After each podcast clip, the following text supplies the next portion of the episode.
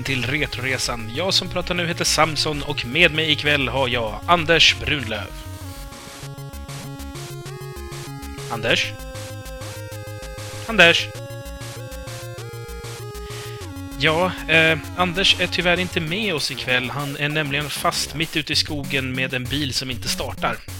Eh, var dock lugna och trygga. Han, han, han, står inte mitt ute och fryser i, i vintern i Bollnäs, utan han är hemma hos sina föräldrar. Det var nämligen där han var och när det här inträffade. Hur som i alla fall så blir tyvärr avsnittet inställt ikväll. Men eh, vi kan ju inte gå tomhänta. Det är ju ändå inspelningsdags ändå på något vis. Och snart är det fredag och då, då behövs det ju att det dyker upp en till Retoresa. Så eh, som ett litet experiment så kommer jag ikväll att köra något slags specialavsnitt med bara mig i så fall.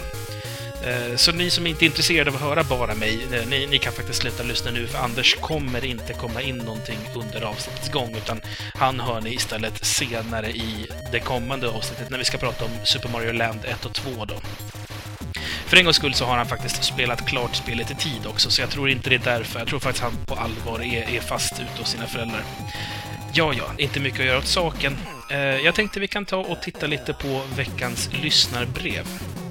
Ja, eh, som sig bör så tänker jag inte ta upp någon av dem som faktiskt handlar om spelet Super Mario Land 1 eller Super Mario Land 2 för den delen, eftersom det kan vara lite meningslöst när vi inte ska prata om de spelen idag. Men däremot har vi lite annat vi kan ta upp. Först ut är Pling som på vår tråd på Gameplayer skriver. Tjenare Anders och Samson. Jag vill bara börja med att säga att ni är skitbra och att jag uppskattar ert arbete. Ja, Pling, tack så jättemycket. Eh, sen skulle jag gärna önska om ett spel ni kan spela, och det är Toy Story 2, Buzz Lightyear to the Rescue. Eh, jag spelade detta som barn och jag minns att jag tyckte det var skitkul. Ni får avgöra om det är retro för er. Det släpptes till Nintendo 64, Playstation och Dreamcast och PC. Typ 1999. Tack igen för ett skitbra jobb. Ja, Pling, tack för tipset. Toy Story 2, det är väl någonting vi ska ta och titta upp. Eh, vad gäller det här med vad som är retro och vad som inte är det, så känns det som att det är en sån grej som man kan det kan man liksom ta från fall till fall om det känns retro eller inte. Personligen så tycker jag att eh, Nintendo 64, Playstation och Dreamcast Dreamcast kanske är lite tveksamt, men, men Playstation och 64 det är ju helt klart eh, godkänt som retro, i alla fall i mina ögon. Det är, eh, det ni, kan ju, ni andra kan ju jättegärna komma med era åsikter. Tycker ni att det är tillräckligt gammalt för att klassas som retro? Och är det i så fall okej okay att spela sånt i retroresa? Det är bara att skriva in till oss som vanligt och så ska vi ta in vad, era, vad ni tycker om saken. Aloysius skriver också på Gameplay-tråden. Bra avsnitt som alltid. Tack, tack. Han tycker också att man blir bortskämd med de här långa avsnitten. Om vi går tillbaka till en trekvart eller vad det nu var från början så blir det någon slags ramaskri i Spelsverige. Ja, eh, de här långa avsnitten har ju... det är ju som en liten curse vi har, jag och Anders. Vi försöker att vara kortfattade, men det blir ju alltid typ en och en halv, två timmar den senaste tiden. Spel-Sverige tror jag dock inte kommer få någon slags ramaskri. Så jättemånga är det inte som lyssnar. Vi, vi vill förstås jättegärna att det är fler, så om ni känner folk som är intresserade av spel som kanske skulle vara intresserade, tipsa gärna om oss. Alltså, ju fler som lyssnar, desto roligare är det. Och det kostar ju ingenting att lyssna, så att det är bara sprid oss som vinden, så att säga. Aloysius tycker också att vi ska ha lite mer framförhållning när det gäller vilka spel vi ska spela så att eh, lyssnare ska kunna hitta spelen och spela dem i tid, så att säga. Eh, det är ju oftast typ en fem dagar man har på sig eh, och det kan bli lite tight, tycker Aloysius. Um, ja, jag vet inte. Jag... Grejen är att jag och Anders, vi, vi, det är sällan vi har liksom uppradat så pass långt i förväg vad det är vi ska spela. Oftast bestämmer vi nästa veckas spel liksom precis innan vi spelar in. Så att, eh, vi bestämde oss för Super Mario Land 1 och 2 precis innan vi satte oss ner för att spela in eh, Capcom-avsnittet sist. Så jag vet inte, eh, om det är möjligt eh, att vi, om, om vi kan liksom skaffa oss lite bättre framförhållning så vi har en lista, så är det någonting man kanske kan genomföra. Eh, jag är inte helt säker på att det är liksom praktiskt möjligt egentligen. Sen är också frågan hur ska vi i så fall liksom gå ut med den informationen? Om man ger ut en lista liksom så här, och, och kom ihåg att så här, nästa vecka ska vi ta oss an det här spelet och veckan efter det är det här spelet och veckan efter det är det här spelet. Det blir liksom... Ja, vi har ingen bra lösning för hur vi ska kunna dela upp informationen på rätt sätt och vara tydliga med liksom här kan ni berätta era åsikter om det här. För det är ju svårt för mig och Anders också att försöka liksom leta med ljus och lykta efter allting som har att göra med ett visst spel. Det, det tycker vi redan är bökigt som det är nu med, med liksom två forumtrådar och vår egen sajt. Så jag vet inte, kanske. Jag ska prata med Anders om det när han är tillbaka, och så får vi se vad vi säger om det hela tillsammans. No Head Productions säger till att börja med vill jag tacka för ett underbart program. Eh, han undrar också en grej. Varför är alla rollspel som Anders tänker spela japanska? Han måste ju till exempel spela Baldur's Gate. Eh, ja, så vitt jag har förstått så, så beror det på att Anders har knappt spelat några JRPG alls, vad jag har förstått. Eh, jag har för mig att Anders också har gått in och sagt att eh, han har liksom inte spelat några JRPG främst. Jag vet inte om han har spelat västerländska heller i och för sig. Så det är ju kanske någonting vi ska sätta honom på snart då. Eh, Anders skriver i alla fall att när man pratar om rollspel så är det ju främst Final Fantasy man tänker på. Men eh, han har ju å andra sidan aldrig sagt att han inte kommer spela något annat, så, eh, och hans resa har ju faktiskt bara börjat där. Så att eh, det finns nog utrymme för att vi kanske kan tvinga på honom till exempel ett Baldur's Gate, eller någon Fallout kanske. Kletet skriver också. Jag tycker att det är mer eller mindre olagligt om ni, Samson och Anders inte spelar ett live-avsnitt när ni härjar i Bollnäs. ja, vi har ju, eh, vi har ju mer eller mindre fått en, en, en så här, tomtarnas, eller tomtenissarnas verkstad lång lista över saker vi ska göra när vi är i Bollnäs. Frågan är om vi kommer hinna med allt, men eh, någonting ska vi nog kunna koka ihop. Sen om det blir något live-avsnitt, det tror jag nog inte, men eh, någonting tror jag att vi kommer lyckas få till när jag ändå är där uppe och hälsar på. Ja, då tar vi och tittar lite på vad som finns på retroresan.se då. Först och främst så har Lefyrius klivit in och förklarat att han är en man. Och det, det känns ju skönt att veta det i alla fall, så att man vet hur man ska tilltala Lefyrius i fortsättningen.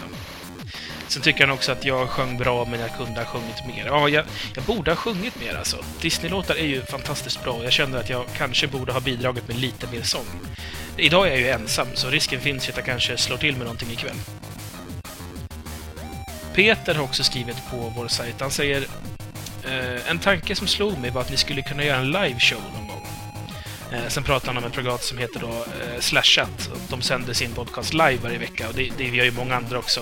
This Week in Tech, Buzz Out Loud och eh, ja, det finns jättemånga fler. Jag vet att DJ Weasel kör ju också sin eh, det är till och med video också, då kör vi live så att man kan ringa in och man kan chatta och integrera showen på ett annat sätt.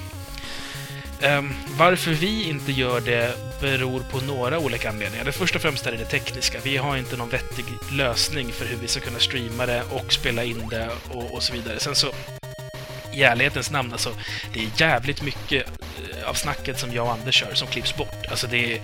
Eh, av de två timmarna ni får höra så är det kanske två och en halv, tre timmar egentligen. Och de där liksom extra minuterna, de är rätt dötrista.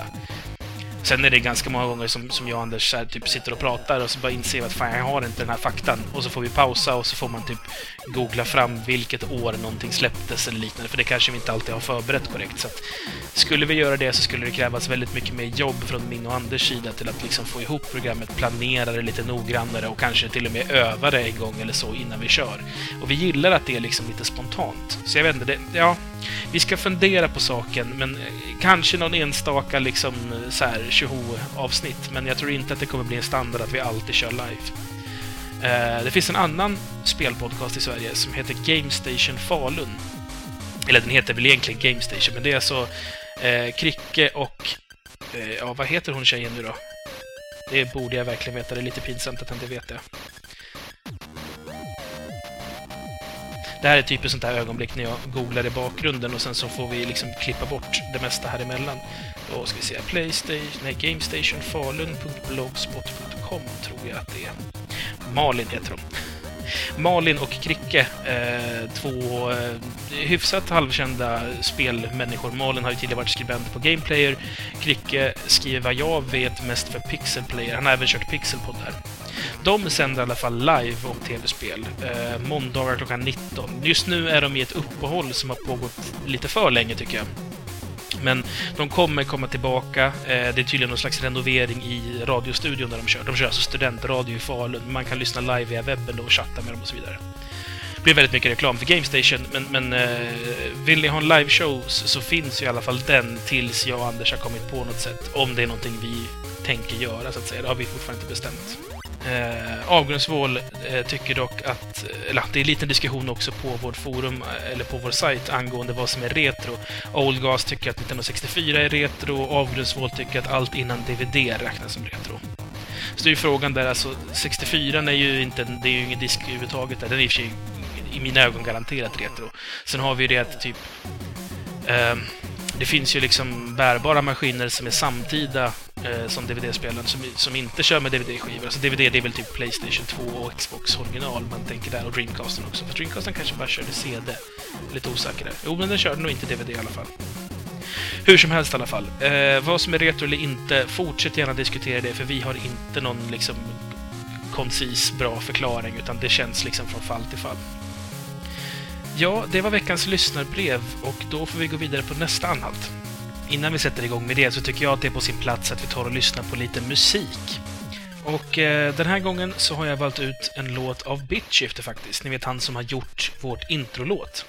Den här låten heter Activation Theme och den finns med på hans skiva The Information Chase. Skivan går att köpa men den går också att ladda ner och enklast att hitta den är via 8bitpeoples.com. Jag lägger upp en länk till det på vår sajt.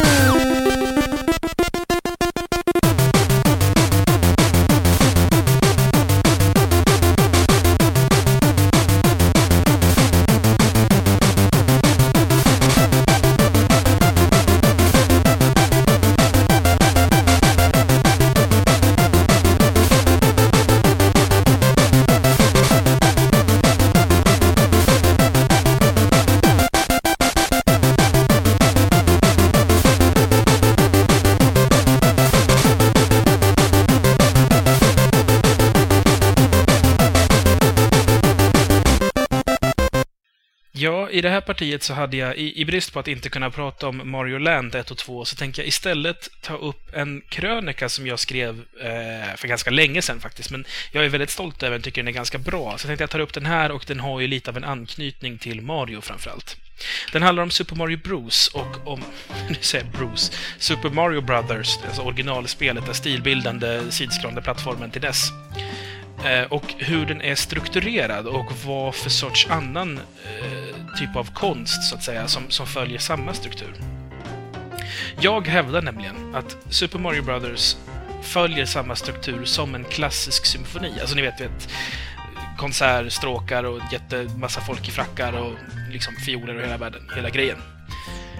Um, det här påståendet kan ju vid första anblick ses som en slags desperat och pretentiös teori som griper efter halmstrån i någon slags försök att legitimera tv-spel som konstform. Men jag ska försöka beskriva hur och varför uh, det är fel. Uh, en klassisk symfoni, om man tittar på till exempel vinklassicism och framåt, eh, den är vanligtvis strukturerad i fyra satser och de här fyra följer ett regelverk. Jag ska ju komma ihåg att det här är ju lite av en generalisering. Många symfonier går sin egen väg och bryter mot reglerna och det är ju, eh, det är ju så det är med allting, så att säga. Men det är ett faktum att reglerna existerar och vi får förhålla oss till dem grundat på att de existerar, liksom, för diskussionens skull. Den första satsen, den är vanligtvis i eh, vad man kallar för allegro, det är alltså en takt, och den är oftast i sonatform. Och allegro indikerar något slags rappt tempo. Eh, ordet syftar också dock på glädje, eh, från ordets italienska betydelse. Eh, ska du liksom då koncentrera ner Super Mario Brothers i några få ord när det spelas av en skicklig spelare då, så handlar det lite om hastighet, moment och reaktion.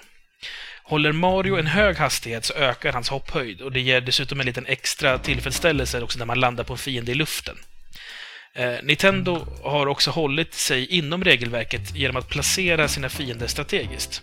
Så håller du en hög hastighet och tajmar dina hopp väl så landar du ju prydligt på fienderna som förlänger ditt hopp vidare mot nästa plattform. Och bryter du då det här momentumet eh, och möter fiender i gående takt så måste du i så fall stanna helt och vänta tills den är placerad korrekt för att kunna ge dig samma förlängning av ditt hopp. Så att du når nästa plattform. Alltså ni vet när man står någonstans och sen är det en sån här flygsköldpadda som åker upp och ner och så måste den liksom vara i lagom höjd så att du ska kunna studsa på den för att komma upp. För att det ska funka, så ska, om du håller liksom hög fart, då får du den perfekt ifall du tajmar hoppet korrekt och du håller, bibehåller då det här momentumet hela tiden. Eh, gör du inte det så kan du till och med hamna i situationer där du inte alls kan ta dig vidare. Eh, utan du är liksom nästan tvungen att dö, för att det går inte om du inte har den här farten av liksom momentumet. Standarddefinitionen av en sonat eh, är att den fokuserar på tematisk och harmonisk organisering. Den här organiseringen presenterar sig i något som kallas för en exposition, exposition, förlåt. Den utvecklas och sen kontrasteras genom en utveckling. Och sen så löser den upp harmoniskt och tematiskt i vad som kallas en rekapitulation. Expositionen då, första delen av sonaten, den etablerar tonikan och landar oftast i dominanten. Eh, om vi då tittar på bana 1-1 i spelet då. Där möts vi först av en lång raksträcka utan några hinder. Eh, det mer eller mindre uppmuntrar dig att springa, eh, och det är att springa då som får bli våran motsvarighet till tonikan. Sedan så når vi spelets första hinder, eh, och där bekantar du dig med, med den nästa viktiga funktionen i spelet då, att hoppa. Och att hoppa fungerar sedan då som en dominant. Expositionen kan innehålla identifierbara musikaliska teman, både melodiska och som rytmiska i sin karaktär. Översatt då till Super Mario Brothers så är dessa teman hoppa, springa, ge blocken en dansskalle underifrån och så vidare. Dessa kan också utvecklas, men det är oftast relationerna mellan dem och känslan av att framskrida i dominanten som används när analytiker försöker hitta vad som är en exposition i ett klassisk symfoni. I slutet då, när du till slut eh, når det, det, slutet av liksom det första landstycket i den här första banan, så når du de här gröna rören där du kan hitta det här gömda extralivet. Och så hoppar du vidare till nästa markbit där du hittar blomman. Eh, sen hoppar man upp de höga blocken och där når vi till slutet av expeditionen i ett sista slag av dominanten. Och det är alltså då sista hoppet här över till där blomman finns. Utvecklingen, nästa steg. Det inleds oftast i samma ton som expositionen slutade med. Eh, den kan sedan också förflytta sig mellan olika tonarter. Vanligtvis innehåller den här utvecklingen ett eller flera av temana som tidigare har presenterats i expositionen. Men det har också blivit lite kutym att juxtapositionera och kontrastera genom att introducera nya teman. I spelet så blir det här stjärnan, eh, som förändrar temat och låter dig springa rakt fram genom dina fiender istället för att undvika dem eller hoppa på dem. Merparten av spelet består också av exposition och utveckling, eh, varefter teman utforskas och blir mer avancerade. Expositionen i en symfoni upprepas ofta flera gånger, precis som spelets exposition. Eh, sista delen av sonaten är rekapitulationen och här presenterar man återigen de musikaliska teman för satsens exposition. Oftast i tonikan, vilket var spring om du minns, för att cementera den som en grundtonart. I spelet då så representeras det här av trappan inför det sista hoppet mot flaggstången. För i toppen av trappan så är det två block. Eh, meningen med att det är två är att det ska ge dig tillräckligt mycket utrymme för att samla momentum nog för att nå flaggans topp, så man får så hög poäng som möjligt. Eh, och det poängterar då tonikan, springa, som du minns. För tekniskt sett så är hoppet visserligen det sista du gör, men det är ju springandet precis innan hoppet där som avgör hoppets höjd och hur mycket poäng du kommer få. Så därför är då springandet sluttonen egentligen. Den andra satsen i en symfoni är andante eller adagio. Andante betyder till fots och beskriver ett tempo som är i gångtakt. Adagio är allmänt långsamt. Det här är då underjordsvärlden 1-2. Hastighet är inte längre lika prioriterad. Bandesignen uppmuntrar snarare till att stanna upp och reflektera över timing av hopp och rörliga plattformar och eh, liksom man ska genomföra annorlunda grepp, som att glidducka genom den här trånga passagen, ni vet, eh, precis innan man kommer till den här första power-upen i, i banan. Eh, den tredje satsen är en snabb scherzo eller en menuett. Eh, Scherzo betyder skämt på italienska och temat indikerar att passagen ska spelas lekfullt. Och här har vi då bana 1-3 som fullständigt slänger tidigare regn åt sidan. Gravitation och friktion bara försvinner helt och istället så ska vi simma och mycket mer fritt välja hur vi ska utforska banan.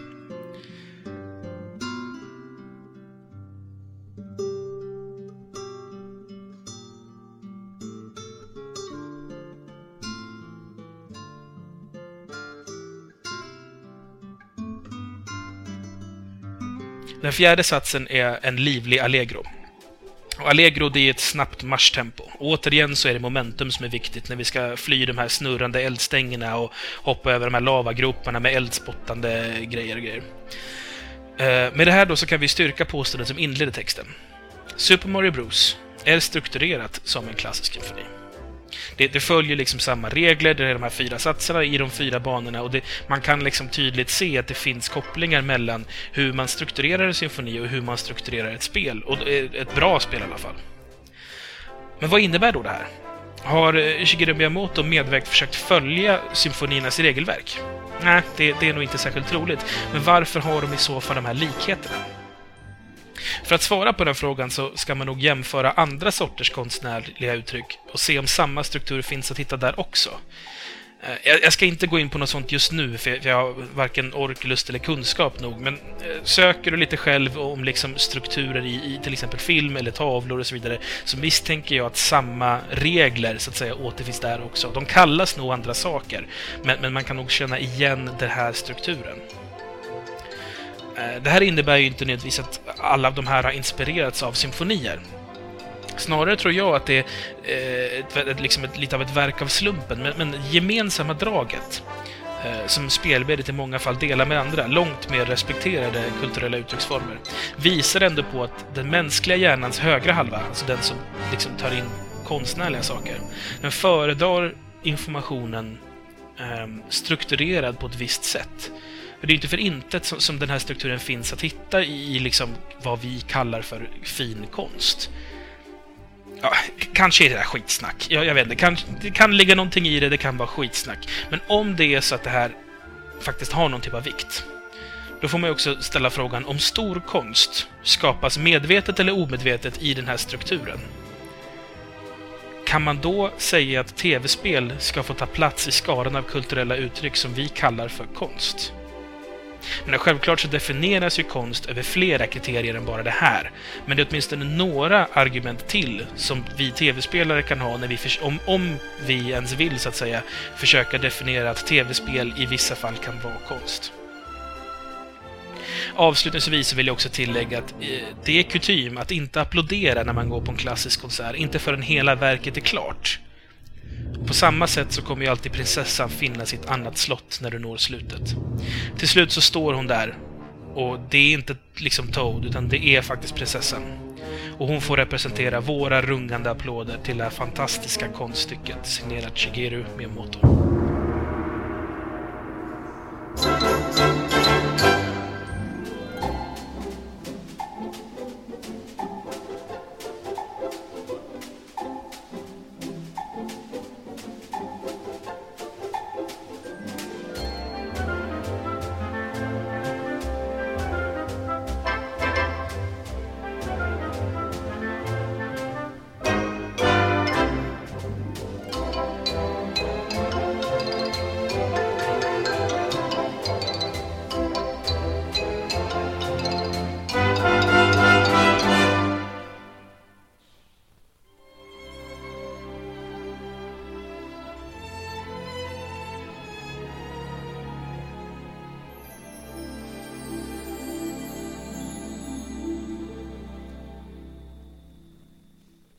Ja, och här får vi någonstans sätta punkt för den här veckan, tror jag. Jag har inte så mycket mer att tillägga, tror jag, utan eh, vi får synas igen eh, nästa vecka någonstans, tror jag det blir. Eh, då Anders är tillbaka och vi kör Super Mario Land 1 och Super Mario Land 2. Ni kan fortfarande förstås skicka in era intryck om de två spelen och som vanligt komma med kommentarer om det här avsnittet, eh, synpunkter, önskemål och eh, ja, lite musiktips kanske till våra musikavbrott till och från i programmet. För att kontakta oss då så går ni in på antingen vår hemsida, retroresan.se, eller så går ni in på våra respektive forumtrådar, antingen på Loading eller på Gameplayer. Länkar till trådarna finns via vår sajt. Man kan förstås också mejla och adressen är i så fall retroresan save.se. Och om du är en ny lyssnare så kan du prenumerera på oss antingen via RSS eller genom iTunes. Länkar för det finns också på vår hemsida. Med det får jag säga adjö för ikväll. Jag heter Samson och målet är ingenting. Resan är allt.